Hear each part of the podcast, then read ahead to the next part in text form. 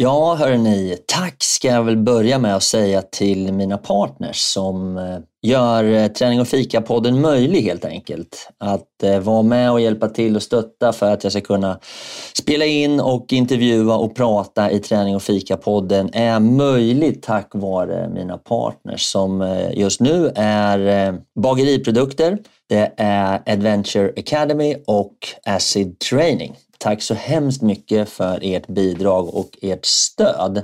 Sen kan man ju då som privatperson också gå in och stötta produktionen genom att eh, ge ett litet bidrag på till exempel Patreon. Det uppskattas väldigt mycket. Där kan du välja mellan att köpa en kaffe svart eller lägga lite mer pengar och köpa en kaffelatte och så fortsätta hela vägen upp till en riktigt härlig brunch. Så ja, tveka inte. Gå in och stötta lite. Det behövs och jag blir glad. Tack ska ni ha. Nu kör vi igång! Have catch yourself eating the same flavorless dinner three days in a row? Dreaming of something better? Well, hello fresh is your guilt free dream come true baby. It's me, Gigi Palmer. Let's wake up those taste buds with hot juicy pecan crusted chicken or garlic butter shrimp scampi. Mm. Hello Fresh. Stop dreaming of all the delicious possibilities and dig in at HelloFresh.com. Let's get this dinner party started. I'm Sandra, and I'm just the professional your small business was looking for. But you didn't hire me because you didn't use LinkedIn jobs. LinkedIn has professionals you can't find anywhere else, including those who aren't actively looking for a new job but might be open to the perfect role, like me. In a given month, over 70% of LinkedIn users don't visit other leading job sites. So if you're not looking on LinkedIn, you'll miss out on great candidates like Sandra. Start hiring professionals like a professional. Post your free job on linkedin.com/people today. Hey, it's Ryan Reynolds and I'm here with Keith, co-star of my upcoming film If, only in theaters May 17th. Do you want to tell people the big news? All right, I'll do it. Sign up now and you'll get unlimited for $15 a month in six months of Paramount Plus Essential Plan on us. Mintmobile.com slash switch. Upfront payment of $45 equivalent to $15 per month. Unlimited over 40 gigabytes per month. Face lower speeds. Videos at 480p. Active Mint customers by 531.24 get six months of Paramount Plus Essential Plan. Auto renews after six months. Offer ends May 31st, 2024. Separate Paramount Plus registration required. Terms and conditions apply if rated PG. Ja, det är klart att man kanske har tittat in någon gång, men man har ju inte liksom arbetat där eller jobbat med kroppen överhuvudtaget. Så allt, om man, om man börjar där, 57 år, bollkille, eh, som sätter sin fot mer eller mindre första gången på ett gym, så blir man ju rädd. Eh, jag, tyckte, nej, men jag tyckte att det var svårt. Äntligen ett nytt avsnitt av den fantastiska podcasten med mig Fredrik Eriksson som heter Träning och fika. Hörrni. Och ni ska vara varmt välkomna. Idag handlar det väldigt mycket om 3.10 men också om Stefan som har kört sitt åtta veckors program och landat på fötterna. Det ska bli kul att höra med honom. Jag och Linda ska börja babbla om 3.10. Vi har kommit ungefär halvvägs. Huh, säger jag. Nu kämpar vi på. Då kör vi igång hörni. Varmt välkomna igen. Tärning och fika, vi kör hårt. Tärning och fika, blåsa på. Tärning och fika går ihop som kaffe och popcorn. Tärning och fika, vi kör på. Tärning och fika, blåsa på. Tärning och fika, nu kör vi! Nu kör vi! Yeah! Då så, då var vi väl igång med ett nytt avsnitt. Och Linda, Ja? vet du? Idag är det avsnitt nummer 50! Ja, det är helt galet ju. 50 avsnitt! Alltså det är ju så stört. 50 avsnitt och du har ju lätt varit med i hälften. Ja, ja, det, ja gud. Det betyder att tiden går fort också. Det är lite sorgligt. Det betyder att du är min bästa poddkompis av alla. Ja, du är så snäll. Jag är så glad att du är med mig i podden. Ska du veta att du är bäst. Tack snälla. Vad snäll du är. 50 är väl ingenting att hänga upp i gran kan man tycka, men det är ändå 50 avsnitt med riktigt hög kvalitet. Mm. Härligt. Ja, vad kul. Ja, nej, men det är roligt. Mm. Vi har ungefär ja. tusen lyssnare i veckan, vilket också är kul tycker jag. Mm. Mm. Det är bra och eh, vi krigar på. Jag är så glad att folk lyssnar på oss och vi får feedback på Instagram rätt ofta och folk frågar. Och jag kan ju säga så här att en rolig sak som hände, för jag såg precis att du drack lite kaffe Linda. Och då Ja. måste jag ställa frågan, vad dricker du för kaffe idag då? Ja, det börjar ju bli väldigt tjatigt och folk tror väl att jag är sponsrad av Suegas Mollbergs blandning, men det är jag inte. Så hör de det här får de gärna sponsra. Men, men jag dricker ju Ja, men vet du vad som är så sjukt? Jag har faktiskt fått folk som, som har frågat mig om vi är sponsrade av Morbergs blandning. Och sen har jag, och dessutom har jag andra kompisar som har gått och köpt Morbergs blandning för att du dricker det och de har köpt det och de tycker att det var, alltså det är så stört. Är det. Så att, ja, det är roligt. Du dricker Ja. alltså Morbergs blandning. What Ja, a surprise. Mm, Ja. jag jag måste säga ju, de, de som gör mina kompisar har börjat dricka det och köpt det, de tycker också att det är gott. Så det var ju Ja. roligt också. Ja, men det är gott. Mm. Ja, jag har köpt ett paket. Jag måste säga att som jag har konstaterat tidigare, mina smaklökar vet inte fan om, det är, om de är fel på, men jag känner inte stor skillnad. Det var inte, absolut inte äckligt, men, men det är inte så som du, att jag är helt addicted av blandning. Men jag får väl köpa fler för att se om jag kanske blir det så småningom. Men det är ändå rätt roligt att du är så otroligt mollbergare. Mm. Du vet att det finns ett hopp i, i, i, när man hoppar från eh, simhopp som heter mollberg, en mollbergare. Just det, just det. Det har jag aldrig gjort och kommer aldrig göra heller. Nej, Så nej, Mm. det behöver du inte tänka på. Du kan dricka Mollbergs blandning utan att göra Ja. mollbergare i swimmingpoolen. Ja, det är bra. Vet du att jag har hoppat från 21 meter? Alltså det är högt alltså. 21 meter. Det är jäkligt högt. Ja. Ja, gjorde Jag jag, lite hemma i. Örebro. I, ja, men alltså det kommer ihåg. Och då gjorde jag det i kalkbrottet. Då var man, tvungen att, man var tvungen att liksom springa, för det var liksom en klippavsats under som man var tvungen att hoppa ut. Liksom, så man var tvungen att springa allt man under för att hoppa ut därifrån för att inte landa på fel ställe. Och 21 meter, det hinner man ju tänka en del. Ja. Ja, fy alltså. Ja. Nej, jag är lite höjdrädd. Jag, jag tänkte jag skulle jobba på det faktiskt och börja fundera på så här höghöjdsbana och sådär. Det hade... Ja, det vore bra. Ja, ja, jag tänkte att det måste man ju prova, tänkte jag. Mm. Ja, ja, det är lite läbbigt. Jag har ju Mm. också hoppat från den här klassiska bron i Nya Zeeland när, man, när de börjar med bungee jump. Du vet den här, Mm. ja, du vet när man, ja, en så här stor ravin och så är det en liten flod längst ner. Så jag lyckades faktiskt hoppa ut därifrån och doppa huvudet i vattnet. Så det var också lite kul. Ja, Det är lite läbbigt. häftigt. Ja, men det är så. Ja, så att, eh, ja, men jag, många jag har har. väl inte så mycket höjdskräck egentligen. Har du sett den här bilden när jag sitter och dinglar med benen utför Ja, ja, den här helt... eh, trolltungan? Ja. Ja. den är så störd. Jag hade faktiskt ångest när jag tittade på den själv, att jag vågar sitta där. Och när jag kröp ut dit, eller gick, först gick jag, sen kröp jag sista biten, så, och, och då stod ju folk vid sidan och skrek liksom, sluta! Det är så Ja, det är så, läs- det är så Ja, det är- läskigt tycker jag. Och jag, det är så här äh, tvångstankegrej liksom. Nej, usch. Nej, Ja. nej jag gillar inte höjder. ja, den är skum. här. Mm. Den är lite, lite rolig. Och så, just den här bilden också, för den skjuts ju ut mot den här fjorden. Så Mm. det ser så helt galet ut när man sitter där ute. Så tänker man, hur fan kommer man ut dit egentligen? Så att, Mm. ja, hur som helst. Men hörru du, förutom att vi firar 50 programs jubileumsavsnitt idag, så ska vi faktiskt också ta och chitchatta lite grann om våran utmaning. Mm. Den är helt sjuk. 3.10. Ja, Ja.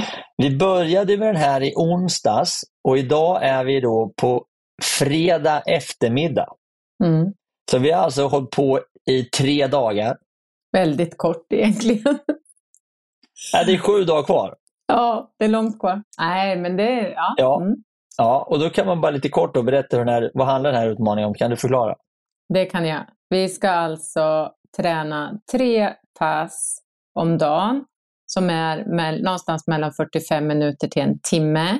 Det ska vara ett pass, ett lågintensivt pass, typ powerwalk eller så. Mm. Och så ska det vara ett styrketräningspass. Ja, och ett styrketräningspass och ett cardiopass, konditionspass, där vi ska ligga över 70 procent av max, minst 20 minuter. Mm. Eller hur? Mm. Och det är det här som blir lite jobbigt då. Mm. Och man får bara... Och Man får inte, ja, precis. Och sen det man ska säga här som är viktigt, för att det låter ju ibland kan jag tänka, jag, du har ju gjort det här förut och då tänker man, men så farligt, det är inte så jobbigt är det ju inte.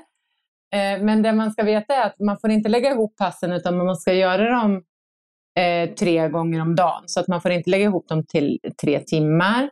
Och eh, ja, det är lite mäckigt faktiskt. Eh, tidsmässigt. Det är lite mäckigt. Alltså, i, I princip så, så är det, det är ett frukostpass, ett lunchpass och ett kvällspass. Det är Mm. reglerna. Mm. Så att det gör ju att det, det eh, Jag fick ju nu med CC1000, det är rullskidsäsong och vi håller på så här. Då, då vill ju de åka rull, långpass på, på lördag.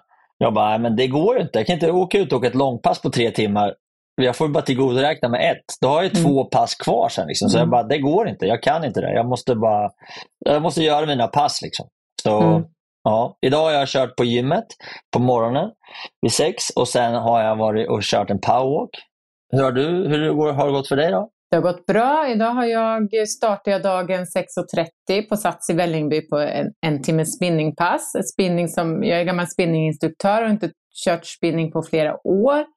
Det var kul, jobbigt, svettigt och, och så. Lite slitigt.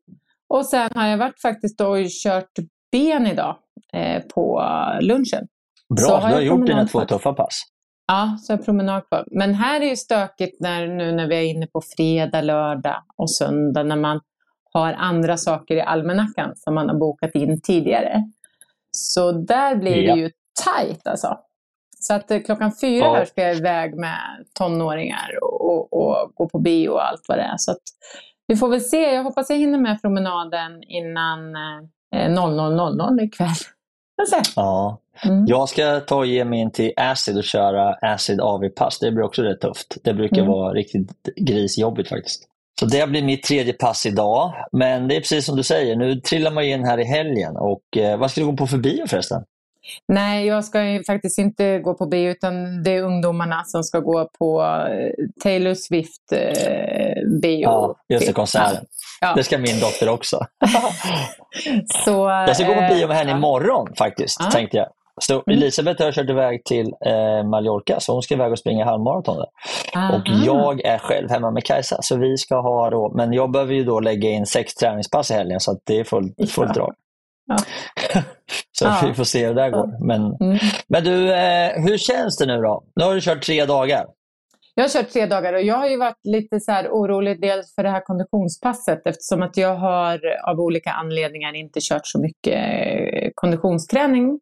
Dels så gick jag ju 8 weeks of dedication åtta veckor men innan det så hade jag lite stökigt. Så jag var lite orolig för de här cardiopassen och hur jag skulle lägga upp dem och, och hur, hur, hur min puls ska reagera. Ja, lite sådär.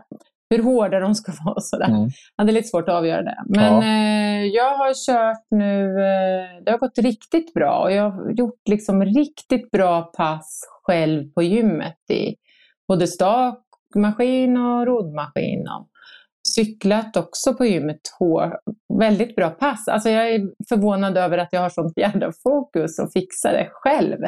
Jag tränar sällan Ja. själv alltså. Eh, så. Så Vad kul. eh, ja, Det är var fantastiskt. kul. Mm. Men det är ju så när man, man, det är ju så när man gör utmaningar. Så det- jag drivs ju av det. det. Det märks ju jättetydligt. Det finns ju liksom inget. Men du har ju gjort en del andra utmaningar. Om man då tittar på den här utmaningen och jämför då lite grann. Vad, är, vad, vad säger du? Hur, vad tycker du? Ja, men jag, det här skulle jag, jag sa det förra, när vi pratade sist då i podden, så sa jag att det är lite mer som ett eh, typ löparäventyr eller liksom man ska hålla på så länge. Eller så mycket. Men det som är stökigt med det här är ju att när man ger sig iväg på ett äventyr eller så, då är du ju hemifrån. Då har du ju liksom ingenting som stör dig utan du, du går in för det, din utmaning och så gör du den. Och så är det, det är liksom det som är målet varje dag. Här liksom är ju Ja. livet igång och det är ju tufft. Eh, där man Ja. ska få in alla, men man ska ju jobba och man, det tråkigaste, nej då, men eh, och så, ja, få ihop eh, middag med familjen och allt det där. Ja. Så det är väl det stökiga. Sen, sen tycker jag att det går väldigt bra. Det enda är ju att jag sover dåligt. Varför gör du det? Jag vet inte. Jag sover dåligt. Det är väl för att kroppen är väl på högvarv, antar jag. Eller så är jag inte li- tillräckligt... Kör jag för lätt då? Nej. Jag vet inte, jag sover lite dåligt. Jag har svårt att sova. Ja, men jag sover också lite halvdåligt nu sen jag dragit upp på så här ordentligt. Mm. Jag tror att det beror mycket på att man är så uppe i varv. Mm. Jag har inte Jag kör att- oftast mina eh, intervallpass jag på kvällen. Mm. Ja, du kör jag brukar ofta köra styrka på morgonen och sen olika typer av återhämtningsträning på lunchen, powerwalk eller lite lätt cykling något sånt där. Och sen så kör jag mitt intervall, intervallpass på, på kvällen. Och då är jag ganska uppe i varv. Men, men sen kan jag också inse liksom att kroppen blir, nu är det tredje dagen, man blir rätt sliten. Det är svårt att komma upp i puls och köra, köra Mm. hårt. Liksom. Jag såg det på mitt eh, spinningpass idag redan. Så där, Ja, jag borde, ja. där det borde, nu var jag där på morgonen, men där jag borde liksom varit uppe på rött så var jag inte det. Men det kändes så i kroppen, men, men det var jag inte. Så att, men jag Nej. vet inte, men jag somnar. Alltså jag somnar, men sen vaknar jag. Ja. Eh, så att jag har ingen svårt att somna så. Men jag vaknar och sen har jag svårt att somna om. Men du, en sån här utmaning. Eh, Mm. Jag kommer ihåg, du gjorde det här 100 000 steg. Mm. Och eh, Det har ju varit faktiskt ganska mycket skriverier om de här olika utmaningarna som folk tar på sig och kör och, och liksom inte klarar av dem och blir, skadade och sådär. Vi har ju fått en del respons faktiskt, eller jag har fått en del respons på det här med våran utmaning här 310, att det är farligt och att det är osunt och så vidare. Eh, Vad, vad säger du om det? Ja, men jag funderade på det där ganska mycket och sen faktiskt när jag lyssnade, lyssnade på avsnittet som var här förra veckan med han eh, Bri- Brian, heter han va? Eh, Ja. Som du hade, och då pratade ni träningsresor. Och då började jag tänka på det där att alltså, Mm. de som åker på tränings... eh, Det är många som åker på träningsresor och då, då gör man ju tre, fyra pass om dagen. Då är det ingen som reagerar på Ja. att man gör det i en vecka. Men Ja, men åker vi- till Plaita som du säger exempel. Då, Ja. är, då är folk så här, Åh, jag tränar hela dagen. Man bara, Ja. vad har du gjort? Ja, men jag cyklade på morgonen, sen körde jag, sen körde jag styrketräning, sen körde jag padel och, så, och sen avslutade jag dagen med liksom ett simpass. Ja. Och då är folk så här, Åh, halleluja vad duktig du är. Mm. Så att, eh, jag förstår inte vad skillnaden är att, att göra det här eh, hemma. Liksom. Men det är allt. Det är, ja, så att jag, jag tycker det, ja, jag vet inte vad jag tycker. Men det är samma sak. jag, jag, tycker, jag tycker att det är ja. intressant. Mm. För det är så himla populärt med träningsresor, men att göra en sån här hemmaresa som vi gör, det är tydligen farligt. Mm. Ja, det är lite spännande faktiskt, tycker jag. Jag undrar om samma Ja. personer skulle Nej. säga det om, till någon som åker på träningsresor. Och träningsresor, det är ju ganska många som... Alltså, Men det är superpopulärt och, Ja. och liksom den stora trenden. Och det sa ju Brian van der Brink i förra avsnittet också. Vi pratade mycket om det här, liksom att det kommer att det har hållit på och, men det fortsätter också. Det är många, många och det, det är en stark trend och nästan alla stora resebolag jobbar jättemycket med olika typer av träningsresor och upplägg och så här. Så, och, och det är absolut ingen större skillnad mot, mot det här liksom att, att köra tre pass per dag. Men jag kan hålla med om att det är lite extremt när man tänker på det, liksom, vem fan kör tre pass eh, per dag hemma när man, när man jobbar och sådär. Och det är såklart. Eh, men det är också som jag svarade på de här lite olika inläggen som har kommit, att det är faktiskt ganska frivilligt. Och är det så att man inte orkar, då kan man ju bara sluta. Det är inte värre än så. Liksom. Nej, men eh, precis. då- men det är ingen... Eller hur? Det, Det är ingen som tvingar en att göra. Alltså jag gör ju det här för att jag tycker att det är kul att testa. Och det är kul att testa kroppen och det... Ja, så. Och jag, jag skulle gärna åka på träning. Alltså jag skulle kunna träna hela dagarna. Jag tycker det är jätteroligt. Men, men ja, sen är det ju lite mäckigt med tid. Men då, det är väl upp till var och en Mm. om man vill lägga tio dagar på det då. Tänker att det är väl upp till hela familjen att avgöra. Ja, men det påverkar ju ganska många Mm. det är runt omkring det ska man ju veta. Liksom. Men, men eh, det, det är en tuff utmaning och det, om, om det inte är en utmaning så är det liksom ingen, då, då är det som vanligt. Så det är därför jag tyckte att man ska spänna bågen och testa det. Mm. Så det, det är väl inte konstigt än så. Liksom. Men, men jag kan hålla med dig Linda om att, jag, och jag kommer ihåg när jag gjorde förra gången, då började, det gick jättebra i början, första dagarna och så här. Sen, nu börjar man komma in i en liten annat mod här och helgen är tufft. Få in tre träningspass på lördag, tre träningspass på söndag. Det är tuffa, det är tuffa puckar. Liksom. Det tar lite tid och det kräver lite planering och det påverkar runt, folk runt omkring. Men det är också så här att även, även om det är tufft så är det ändå bara tio dagar. Vilket Mm. gör att jag kan tycka att jag kan hantera det. Och, och eh, Det tycker jag är en spännande del i hela den här, hela den här grejen, hela den här utmaningen. Liksom. Att, att någonstans, och Det är det som gör att en sån här challenge blir spännande. För man får Mm. pusha sig men man vet också att man kan gå i mål. Ja, jag Och det det tar oss ju osökt, det tar oss ju osökt faktiskt över till den här Eight Weeks of Dedication. Din man Stefan har kört åtta veckor. Ja, eh, vi körde ju, efter tre år så tjat från mig så fick jag med honom att köra. ja, men det är för härligt. Han har ju alltså kört igenom det här nu och är precis klar och mår Ja. som en prins. Ja, alltså det har varit så... Det är så kul. Ja, det är så kul. Det har varit så kul att få vara med på hans så nära. Ja, även om man är coach så är man ju inte så nära som man är eh, sin man. Liksom. Så det har varit jättekul att se hans utveckling.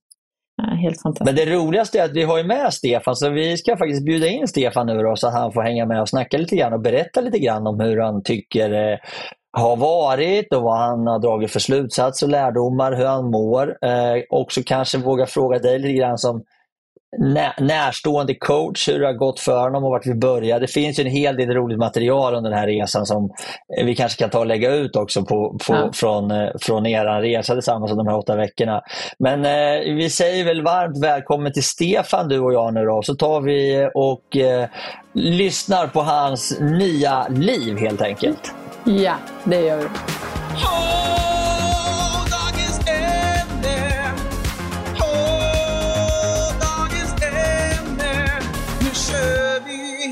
Jaha du Linda, äntligen får jag träffa din bättre hälft Stefan. Varmt välkommen till podden Stefan.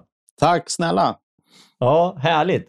Du heter ju alltså Stefan Larsson och Linda heter Linda Lindgren. Varför då? Ja, det blev väl, det har vi nog inget riktigt bra svar på. Det liksom blev bara så. Eh, jag vet inte Linda om du kan beskriva det bättre än, än jag på det sättet. Jag Du vet, menar jag- Linda har nämligen berättat det för mig. Hon tycker att Lindgren är mycket snyggare än Larsson. Och då tyckte jag det var lite konstigt resonemang. Ja, vi, vi, vi kanske inte delar samma åsikt. Jag vet Ah, inte. eller så hittar Fredrik på bara. Eh, men vi gifte oss och tanken var att vi skulle byta namn och sen så har vi liksom inte gjort det. Vi skulle byta eh, båda två. Ja, det var då?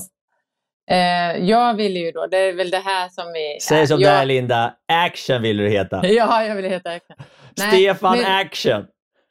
Jag, jag hade en, eh, min mormor hette Enhall i efternamn och eh, det namnet dog ut med henne så jag ville byta till Enhall. Och där har vi varit lite oense och sen så har det ju varit så här att man får inte lägga till namnen lite hur man vill om man då vill behålla sitt vanliga namn och så har det varit lite stökigt med eh, hur man får göra. Det där har ju lättats upp nu men vi är lite lata så vi har inte tagit tag i saken helt enkelt. Lindgren och Larsson. Mm. Hörru du Larsson, jag måste ju bara säga en sak. Jag ser dig här nu. Vi sitter digitalt på Riverside och spelar in det här idag. Och du ser ju rätt smal ut. Hur mår du? Vi ska prata om 8V nu. Det passar väl ganska lägligt att jag försöker brygga över till det. Jag mår ju eh, fantastiskt bra måste jag säga. Hade du frågat mig för typ två månader sedan så hade jag nog inte mått riktigt så bra som jag gör nu. Helt ärligt. Varför då? Nej, men jag eh, hoppade ju på den här eh, 8V-utbildningen, eh, utmaningen, eh, eftersom jag har så att säga legat i bakvattnet och studerat min fru Linda eh, ett tag och lyssnat och hört och givetvis eh, fått info om hur det här går till och så vidare. Eh, så efter eh, mycket om och men så, så hoppade jag på. Eh, och det var fantastiskt. Det är, jag ångrar inte en dag. Det kan jag säga. Du kan ju säga som det är att jag tvingar dig. Ja, jag tänkte komma till hur kommer det sig att du helt plötsligt bestämde det?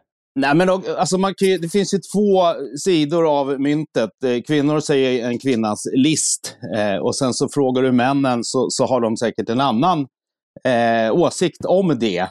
Men eh, ja, det är klart, eh, happy wife, happy life. Det ligger ju någonting i det. Men eh, jag, ångrar, jag ångrar det absolut inte. Nej, och det var alltså, du, har, du gick igenom det, du slutade för två veckor sedan va? Yes. Okej, och då tänkte jag fråga Linda då först. Hur, hur, hur gick det här till då, utifrån ditt perspektiv och hur har det gått? Och vad, vad, vad har varit, hur gick det att göra tillsammans, du och Stefan? Hur klarade ni av det? Vad, hur såg det ut? Mm. Alltså, grejen var väl den att jag frågade, i, om vi, ärligheten ska fram då, så, så har jag ju velat att Stefan ska testa och han inte har velat. Och sen så kom vi fram till att vi gör det båda två. Så, så det var väl så. Så att vi har väl stöttat varandra och haft stor nytta av varandra väldigt mycket. Så.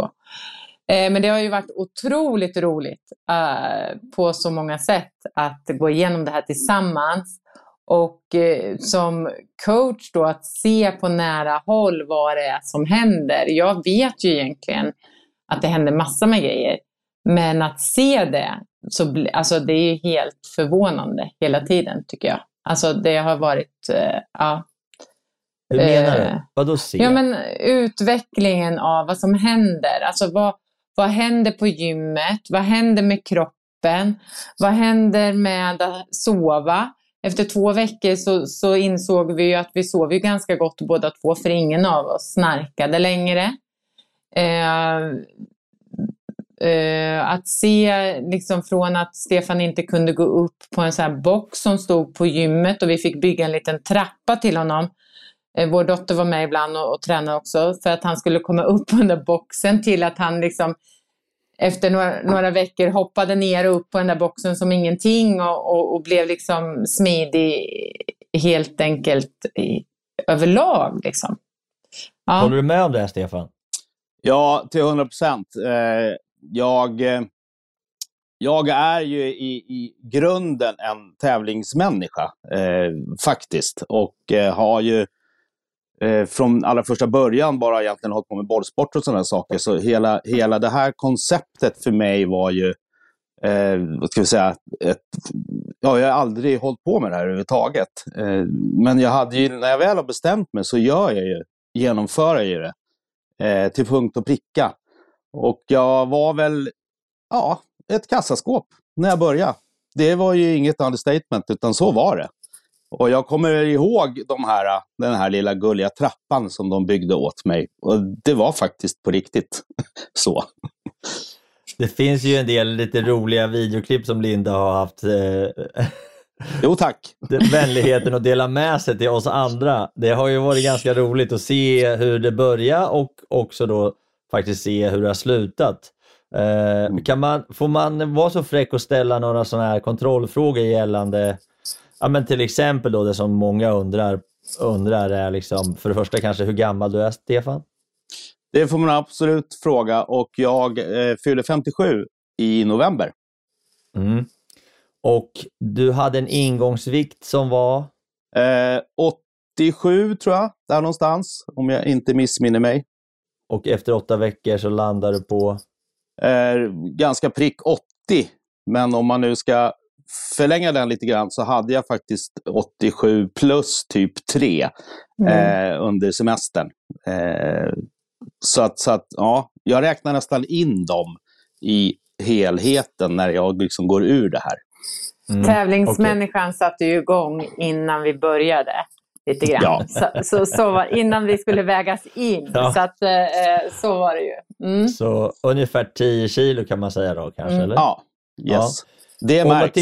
Ja, det förstår jag. Det är att ta, det är ta tio mjölkpaket, fem varje hand, så det är såklart det är jobbigt att släpa runt på. Mm. Men om man tar lite styrkemässigt då, Stefan. Eh, det finns en del mätpunkter som vi har tittat på, eller som vi brukar titta på i 8V. Hur har det, förutom själva trappen som har försvunnit? Jo, men om man, om man börjar från, från scratch så är ju jag absolut ingen... Jag har ju aldrig någonsin varit i ett gym. Eh, ja, det är klart att man kanske har tittat in någon gång, men man har ju inte liksom mm, arbetat där eller jobbat med kroppen överhuvudtaget. Så allt, om man, om man börjar där, 57 år, bollkille, eh, som sätter sin fot mer eller mindre första gången på ett gym, så blir man ju rädd. Eh, jag, tyckte, nej, men jag tyckte att det var svårt. Eh, jag tyckte vissa övningar eh, kände jag mig som att, jaha, ska jag vara en akrobat för att göra de här? Det var på riktigt. Ja. och, och, hela den resan också mentalt var ju nästan en resa i sig. Att liksom övervinna de här eh, svårigheterna och se att man faktiskt klarar det. Eh, att det går. Så att det har ju varit en enorm utväxling. vad menar du då? Liksom? Om man, utifrån mitt perspektiv så är det inte så där, det är inte så mycket akrobatiska övningar, utan om du förklarar lite grann vad, liksom, hur, hur det kändes när du började. Ta någon övning som du kände, den här var svår och sen hur, hur... Ja, men det, det är ju ganska enkla grejer om man börjar med någonting som säkert de allra, allra, alla förstår så är det ju armhävningar och det är lättare sagt än gjort. Eh, till exempel att göra dem på ett korrekt sätt på tå. Eh, det, där kände man med sig, eller jag kände mig lite, nästan lite dum. Möjligen för att man är man, eh, lite macho och det här är väl ingenting och så vidare. Men ett typexempel är ju Russian Twist som snurrade lite eh, på sociala medier. Och det var ju på riktigt, jag ramlade ihop.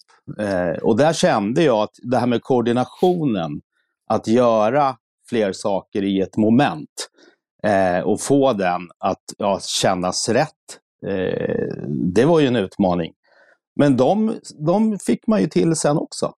Men då ska mm. vi berätta för dem som kanske inte vet vad, vad du menar för övning och, och vad det är man gör. Alltså det handlar om att sitta på rumpan på golvet och det du inte klarade av var att sitta på golvet och lyfta på fötterna.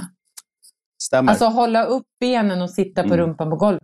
Det mm. kunde inte du. Så, och när du då fick en, eh, några, ett par kilo i vikt i handen och, skulle, och böjde det, la den lite på sidan, då ramlade du som ett korthus ner. Yes. Ja. Så, så Sjukt svår övning faktiskt, men det är väldigt rolig.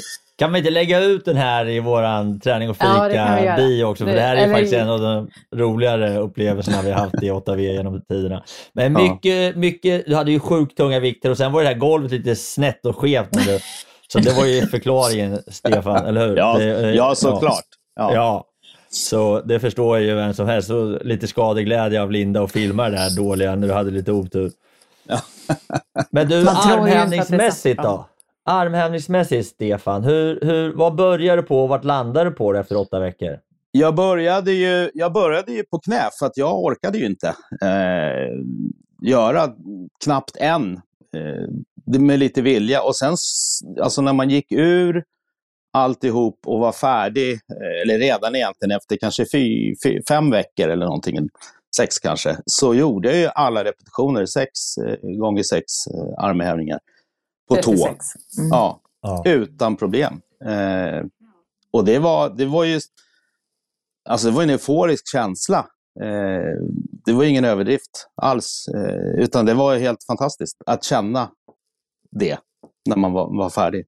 Sen, sen är det viktigt, och vi, alltså jag tycker det här med armhävningar, för det, det, är ju, man, det är ju den stora grejen som är ganska enkel att se ut, uh, liksom vad som händer. Det, mm. det, var ju så att, ja du säger att du gjorde dem på knä. Jag skulle säga att du stod på knä och gjorde dem. Alltså du, du rumpan var ju, ja. Du stod på alla fyra och böjde på armarna, så ska vi väl säga. Ja. Och, och, och efter två veckor så gjorde du ju faktiskt redan ett par stycken på, mm. på fötterna. Mm. Eh, det tog två veckor. Vi, vi mm. gjorde ju en liten mätning på det där, så vi följde ju bland annat armhävningarna ganska ordentligt hela vägen. Eh, så att, ja, att bara få den kroppskontrollen är ju helt fantastiskt efter mm. två veckor. Mm. mm. Och nu har du kört igenom åtta veckor och känner det, du har gått ner 10 kilo och känner dig stark nu, eller hur, hur känns det nu? Jo, men jag känner mig absolut stark. Eh, och jag kan väl säga så här, mitt, huv, mitt personliga huvudsyfte med eh, de här åtta veckorna var egentligen inte att eh, eh, tappa kilon. Eh, även om, om, om magen, gubbmagen var för stor och har varit länge, så var inte det det primära, utan det var mer för min egen del att bli piggare, känna mig starkare, må bättre, eh, sova bättre och, och, hela, hela den biten. Och eh, tillsammans med kosten, nej, men ha, känna, mig, känna sig i bättre form helt enkelt. Men om vi hoppar in på det här med kosten som du nämner. Det är ju ändå en rätt stor del av 8V. Om du skulle liksom med några enkla meningar beskriva din upplevelse av 8 Weeks of Dedications matupplägg som många har lite funderingar kring och undrar över. Mm. Det är många som undrar hur det funkar och hur det kan mm. bli så som det är. Berätta. Eh, för min egen del så var det inget, inget hinder, ingen oro. I början lite oro, det här som alla pratar om. Kommer jag bli mätt? Eh, och så vidare. Kommer jag känna hunger och sådana här saker. Men det var inget problem alls för mig eh, överhuvudtaget. Om man, om man liksom börjar dagen med det här med frukost eh, så har jag nästan aldrig varit en, en frukostkille, så det var ju ganska enkelt eh, för mig. Jag har aldrig ätit några stora frukostar överhuvudtaget, utan eh, kaffe och ingefära shot och, och, eh, och lite sånt. Sen var man igång. Eh, och även lunchfastan var inga problem överhuvudtaget. Eh, så, så det har ju, på de här mötena som vi har haft, då har det varit högt och lågt och många har tyckt att det varit en jättestor utmaning och ett eh, besvär eller bekymmer i vardagen. Det var det aldrig för mig. Eh, inte nämnvärt i alla fall. Utan det, det har fungerat väldigt, väldigt bra. Och sen eh, om man nu ska... Tarmen och hela magen mår ju väldigt bra kan jag säga av det här. Och det var en stor skillnad som, som jag ibland kan ha lite känslig mage. Den, den mådde prima kan jag säga. När vi kommer till, till middagarna så har de varit eh, i huvudsak väldigt, väldigt goda. Eh, generellt. Det har varit aptitligt, jag har ätit och fått i mig det man ska. Eh, det som har varit, eller i början var en liten utmaning för mig, det var ju att jag är en sån här kvällsmackekille. Eh, och att ta bort den, det är som att ta bort eh, nappen från ett barn, höll jag på att säga. Men det har ju mer och där hjälpte givetvis Linda mig med, för det, det, sitter, det är ett mindset, det sitter mycket i huvudet. Att vänja sig av vid, vid de eh, eh, vanorna så att säga. Mm. Och det som var så konstigt, det var, och det kommer jag ihåg att jag reagerade ganska starkt över att jag, jag tyckte eller trodde mig känna hunger på kvällen när jag skulle gå och lägga mig. Men sen när jag vaknade på morgonen så var jag inte hungrig. Och det var häftigt. Eh, det var en sån här, aha, det, så här funkar det. Ja. Eh, så att, eh, ja, bara, bara plus och, och rakt igenom. Men, för mig här, var det super. Ja, den här traditionen, det finns ju någon typ av i, i, i våran generation, eller kanske både lite yngre, men, men just det här med att sitta framför tvn och, och käka en, en, en limpmacka med smör, och ost och marmelad och dricka liksom choklad. Eller så här. Men den är ju rätt mm. konstig liksom, som man gjorde, många i vår generation. Liksom. Och, och, och, det är såklart, det är inte så bra att trycka i sig massa snabba kolhydrater precis innan man ska gå och lägga sig. Man sover förmodligen mycket sämre och mm. man går upp i vikt och man får liksom, kroppen får aldrig vila. Och, och, och dessutom, precis som du säger, och det har vi fått bekräftat både du och jag Lina många gånger, att, att nattsömnen blir mycket bättre om man inte äter för sent. Mm. Ja, man sover aldrig så gott som man gör under... Alltså alla säger ju det. Alla sover ju gott. Mm. Och det mm. kan jag verkligen skriva under på. För att om vi i, i våran vardag eh, hemma eh, så, så, är det lite tv-serier och sådana här saker efter nio och, och sen så har vi lite våran stund och så vidare. Sen när klockan blir framåt elva, då är det dags att gå och lägga sig. Och då, ibland har jag haft, tidigare i livet så har jag haft svårt att somna. Eh, jag kan inte riktigt eh, koppla av. Sen kan det vara högt och lågt och bero på massa saker och så, såklart, eh, som för väldigt många.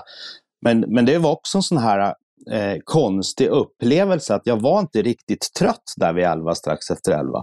Men sen när jag gick ner och la mig så, så tog det 5-10 minuter. Jag lutade huvudet på kudden. Sen sov jag som en gris. Och, mm. bara, och det var så hela tiden. Ja. Och så är det fortfarande. ja, och därmed det är så skönt, för det är så mm. man vill att det ska vara. Men om, man, om du kommer ihåg maten, om du, om du backar tillbaks till maten igen, för mat är en viktig del i livet. Och liksom, om du skulle liksom försöka beskriva den mat som 8V innebär och det man äter, på, speciellt på middagar och, och luncher, då, för i övrigt är det inte så mycket mat. Eh, men om du ska beskriva de här, liksom, hur, hur, skulle du beskriva det då utifrån ditt perspektiv som, som kille? Ja, liksom? ja, jag är ju, om man börjar med att jag liksom är, jag är inte så matintresserad, om vi börjar där. Jag Nej. tycker om att äta mat, men mm. eh, jag är inte så bra på att laga mat. Och jag Nej. kan inte få ihop, jag kan inte få ihop eh, ett och ett nästan. Eh, och, och, förstå sammanhang och om jag tar det här så händer det här och så vidare. Så, så att jag är, eh, vad ska jag säga, nu hade jag ju själv väldigt god hjälp av vår äldsta dotter dotter som, som eh, är ganska involverad i det här, så hon skötte väl mer eller mindre matlagningen i, i, under hela den här perioden. Vilket var, sen hjälpte vi till att hacka och, och, och skära och sådana här saker. Eh, men hon skötte väl det mesta. Eh, och det var väl tur det, eh, jag på att säga. Annars hade det tagit fyra timmar för mig kanske. Men, men om man försöker, jag försöker specificera frågan igen, eller tjata vidare. Liksom. Om du ska beskriva maten som du åt då. Mm.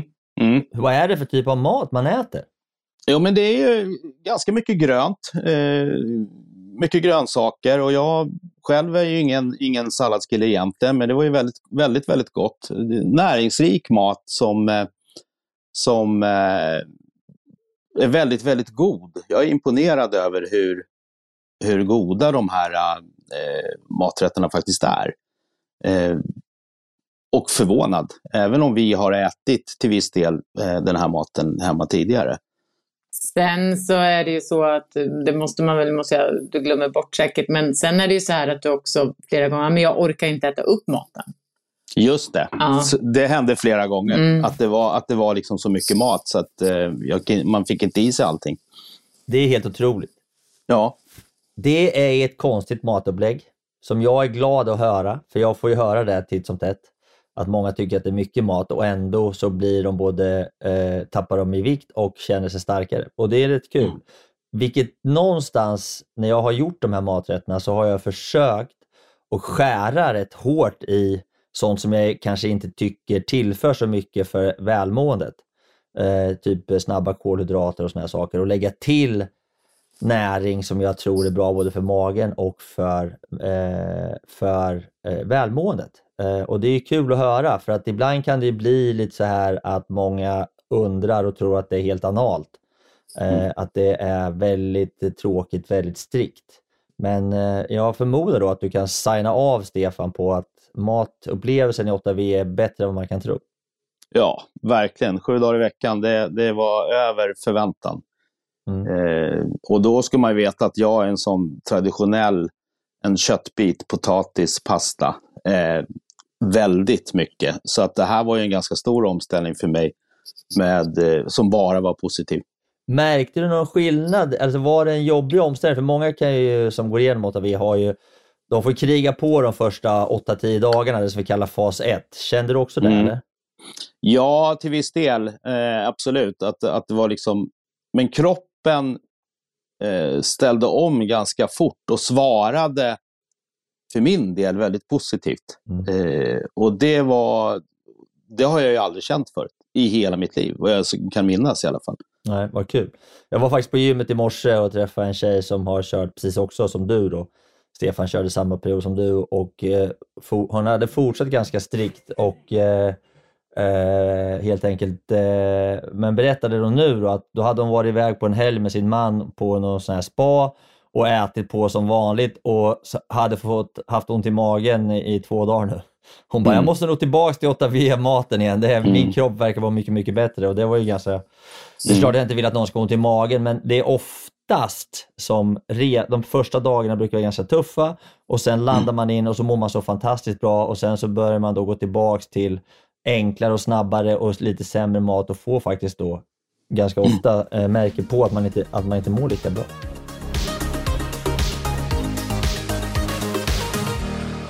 En annan fråga Stefan som jag undrar, det är det här med promenaderna. Mm. Linda är ju löpare, vilket jag inte tror att du är på samma sätt. Eh, utan ge sig ut och promenera och så här. Hur funkar det utan golfboll? Nej, men det, det, det är ju min grej, tror jag. Eh, jag menar, de, de allra flesta kan säkert... Eh, vi, alltså, att ta promenader gör vi ibland utan att vi ens tänker på det. Vi är på väg någonstans och så vidare. Så det här var ju... För mig var ju det här eh, väldigt, väldigt skönt. Eh, och vi hade ju... Jag är ju ingen morgonmänniska, så att jag lyckades väl aldrig ta de här tidiga morgonpromenaderna innan jobbet, utan det blev ju alltid på kvällarna. Men då hade jag ofta med mig en kompis eller Linda var med och så vidare. Eh, men jag gick även själv. Och vi bor ju i Hässelby, vid Hässelby IP, och där, är, där kunde jag faktiskt gå runt IP, varv efter varv efter varv efter varv, tills jag uppfyllde en timme. Det förstår ju inte min fru Linda. Men det var ju, då kommer det här in igen att ja, men jag ska göra det här. Nu ska jag ut och gå en timme. Eh, gränsen går väl att gå på ett löpband, det är inte min grej, tror jag. Även fast jag kanske skulle kunna göra det också.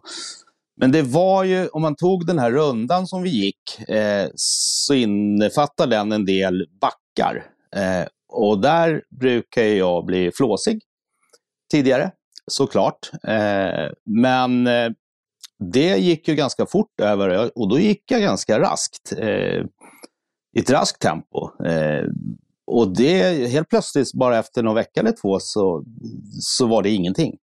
Och det gick också så fort i kombination. Det hände så mycket med kroppen. Och jag vet att Linda och jag var ute och gick tillsammans en, uh, ute i skogen och där var det en väldigt brant backe, ganska lång. Jag flåsade inte, men det gjorde du. Sådär, ja, så var det. Ja, men så är det. Men sam, sen är det ju så här, det var ju så kul för jag fick ju säga när vi gick, vi, vi hade en runda här då, som är, är en timme som vi gick. Så. Och sen skulle Stefan ut och gå med sin kompis och så sa jag till honom, fick jag säga till honom, alltså du får ju ta det lugnt nu för att tänk på att han gör ju inte det här, du får inte tagga upp för då kommer han aldrig mer vilja gå med dig. Sådär. Men, ja. men, eh, så.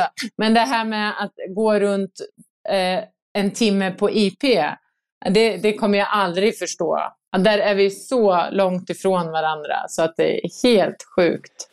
Men det är som det här med killar och det här med, vad tänker du på? Romarriket. det är samma ja. sak.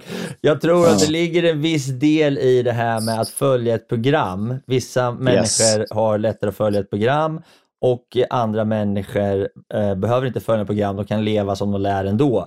Vilket merparten faktiskt, jag tror, inte riktigt kan det. Så sådana som, eh, som Stefan och, och mig, och så här, har man en plan och eh, ett uppdrag och ett upplägg, då följer man det och då spelar det inte så mm. stor roll vart man går. Det är mindre viktigt, det bara går att göra grejer. Yes. En ja. avslutande fråga Stefan som jag bara ville höra lite grann om och det här är någonting som jag och Linda tror jag både kan skriva under på men att det är svårt att förklara för oss hur viktigt det är att vara med på de här gruppmötena som är eh, onsdagar och söndagar. Och du var väl ändå med relativt frekvent tror jag va? Ja, jag skulle väl säga kanske 75 då. Eh, killgissning 75 procent eh, var jag nog med. Eh, och eh, det är superviktigt att eh, se de övriga deltagarna, höra diskussionerna, för att vi sitter ju mer eller mindre i samma båt. Och det, det, är alltid stelt i början eh, innan man... Alltså, jag brukar alltid säga det på, oavsett vad man gör, det finns inga dumma frågor, det finns bara dumma svar. Eh, och, och, det att innan liksom man bryter isen, och där hjälpte ju Linda till jättemycket. Det var lite roligt, vi satt ju naturligtvis i olika rum då hemma på de här mötena.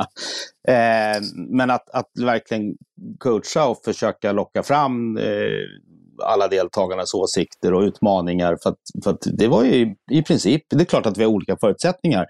Men, men eh, det var lite roligt för jag hade ju en, en eh, kille med där i, i, min grupp som var ungefär i samma ålder som mig.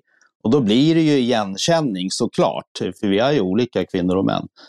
Eh, och det, ja, men det var otroligt givande och det är bra att de finns för jag tror att eh, om inte de mötena fanns eh, så, så, skulle det bli mycket svårare.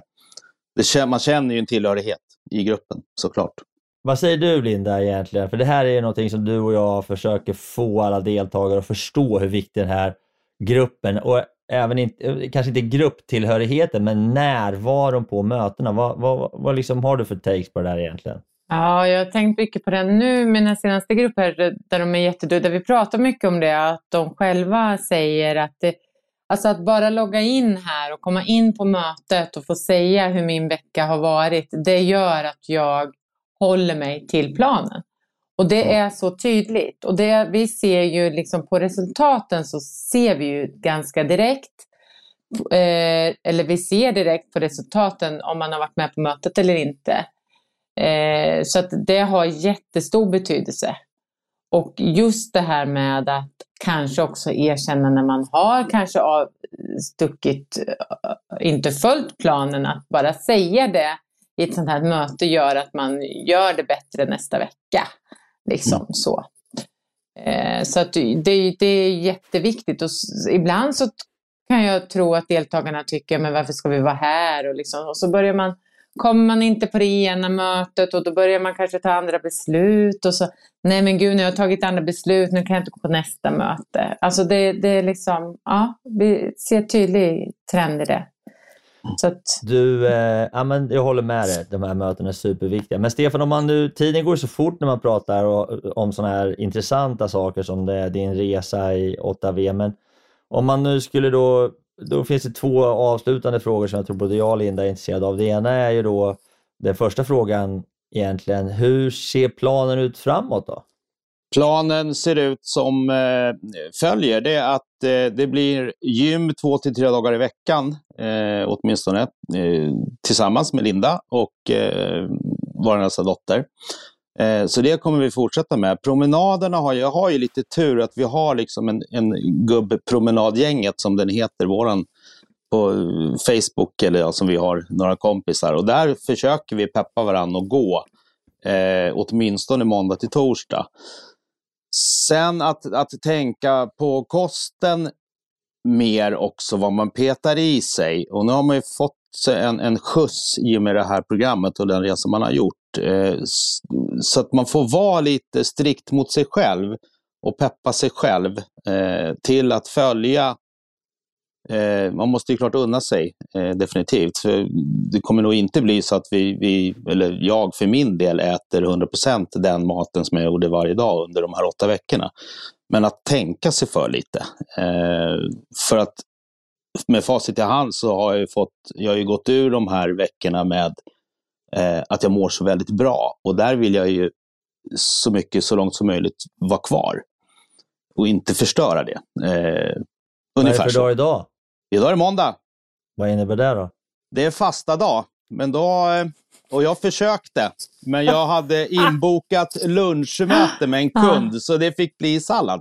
Jag tycker det är väldigt viktigt att tala om här att just i den här frågan, sista frågan du ställde Fredrik, där, där är vi lite oense eh, om saker och ting. Men, men, eh, jag, men Stefan är jätteduktig på att välja annorlunda skulle jag säga när det gäller maten.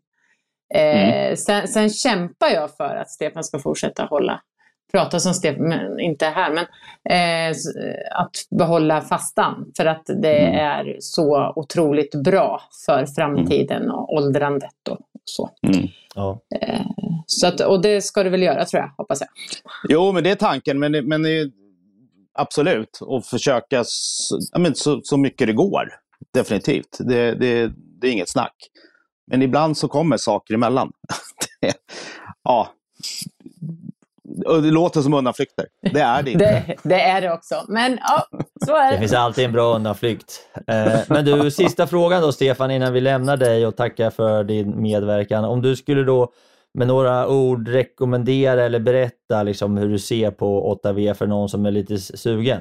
Eh, jag, har ju, jag har ju redan eh, promotat på säga, hos lite kollegor och sådana här saker. Och då, då ser jag direkt, eh, folk blir ju rädda för att de tror att det är en så otrolig uppoffring.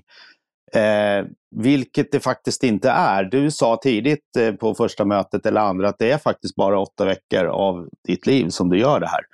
Eh, och, och, det lät mycket då, eh, men det är det inte. Eh, det, går, det går fort. Eh, och det är värt varenda minut kan jag säga. Ehm, så, så det är en investering i det, ditt, din hälsa och ditt välmående. Eh, och framförallt när man då börjar bli lite till åren mm, så är det otroligt viktigt vad, hur man ja, men tar hand om sig på bästa sätt utifrån dina egna förmågor naturligtvis och, och livssituation och allt vad det kan vara för någonting. Men eh, så värt det. Mm. Det, det, liksom, det finns inget annat.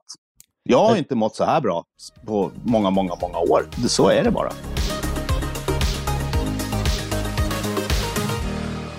Ja, hörrni, då börjar vi faktiskt närma oss slutet. Jag tänkte väl först och främst, eh, Stefan, tacka dig för både din medverkan i Eight Weeks of Dedication, men just nu då mest med tanke på att du har varit med och förgyllt min och Lindas tid med podden i Träning och fika. Så stort tack! Tack själva, det var så lite. Linda, nu håller vi tummarna ja. att eh, inga snarkningar kommer tillbaka i sovrummet, att det blir många runder på löparbanan gåendes och att eh, Stefan blir stark som en björn. Ja, och gammal. Och gammal. Han är ju redan gammal. Ja, just det. det är jag som är den unga i församlingen här. Ja, det är underbart. eh, ska det sagt också. Men eh, ja, nej. Vi ska bli gamla tillsammans, så att det är väl målet, tänker jag. Ja, det är härligt. Hörni, eh, kram på er båda två. Stort tack och eh, vi hörs igen om en vecka. Det gör vi. Tack snälla. Tack, tack.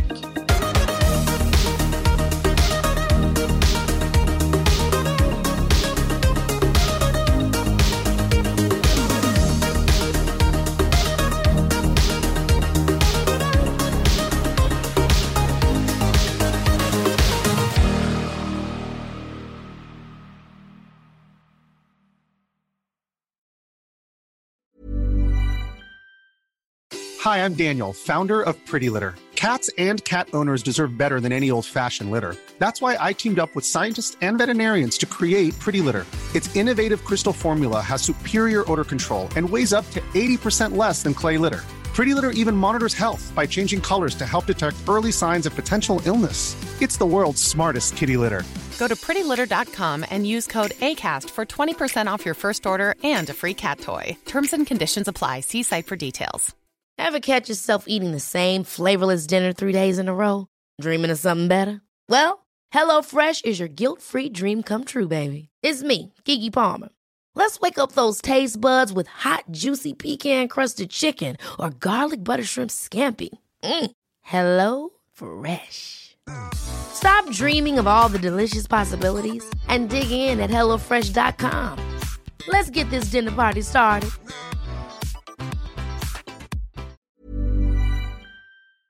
Det var allt för den här gången hörni och jag tänkte avsluta lite kort med att återigen tacka mina fantastiska partners och sponsorer som är Bageriprodukter, Acid Training och Adventure Academy. Och eh, återigen, har du en krona över eller är helt enkelt sugen på att bjuda på en kaffekopp så gå in på min Patreon och eh, köp en kaffe, en kaffelatte eller en hel brunch så eh, kan jag fortsätta spela in podden, producera nya härliga avsnitt och eh, fortsätta att underhålla dig.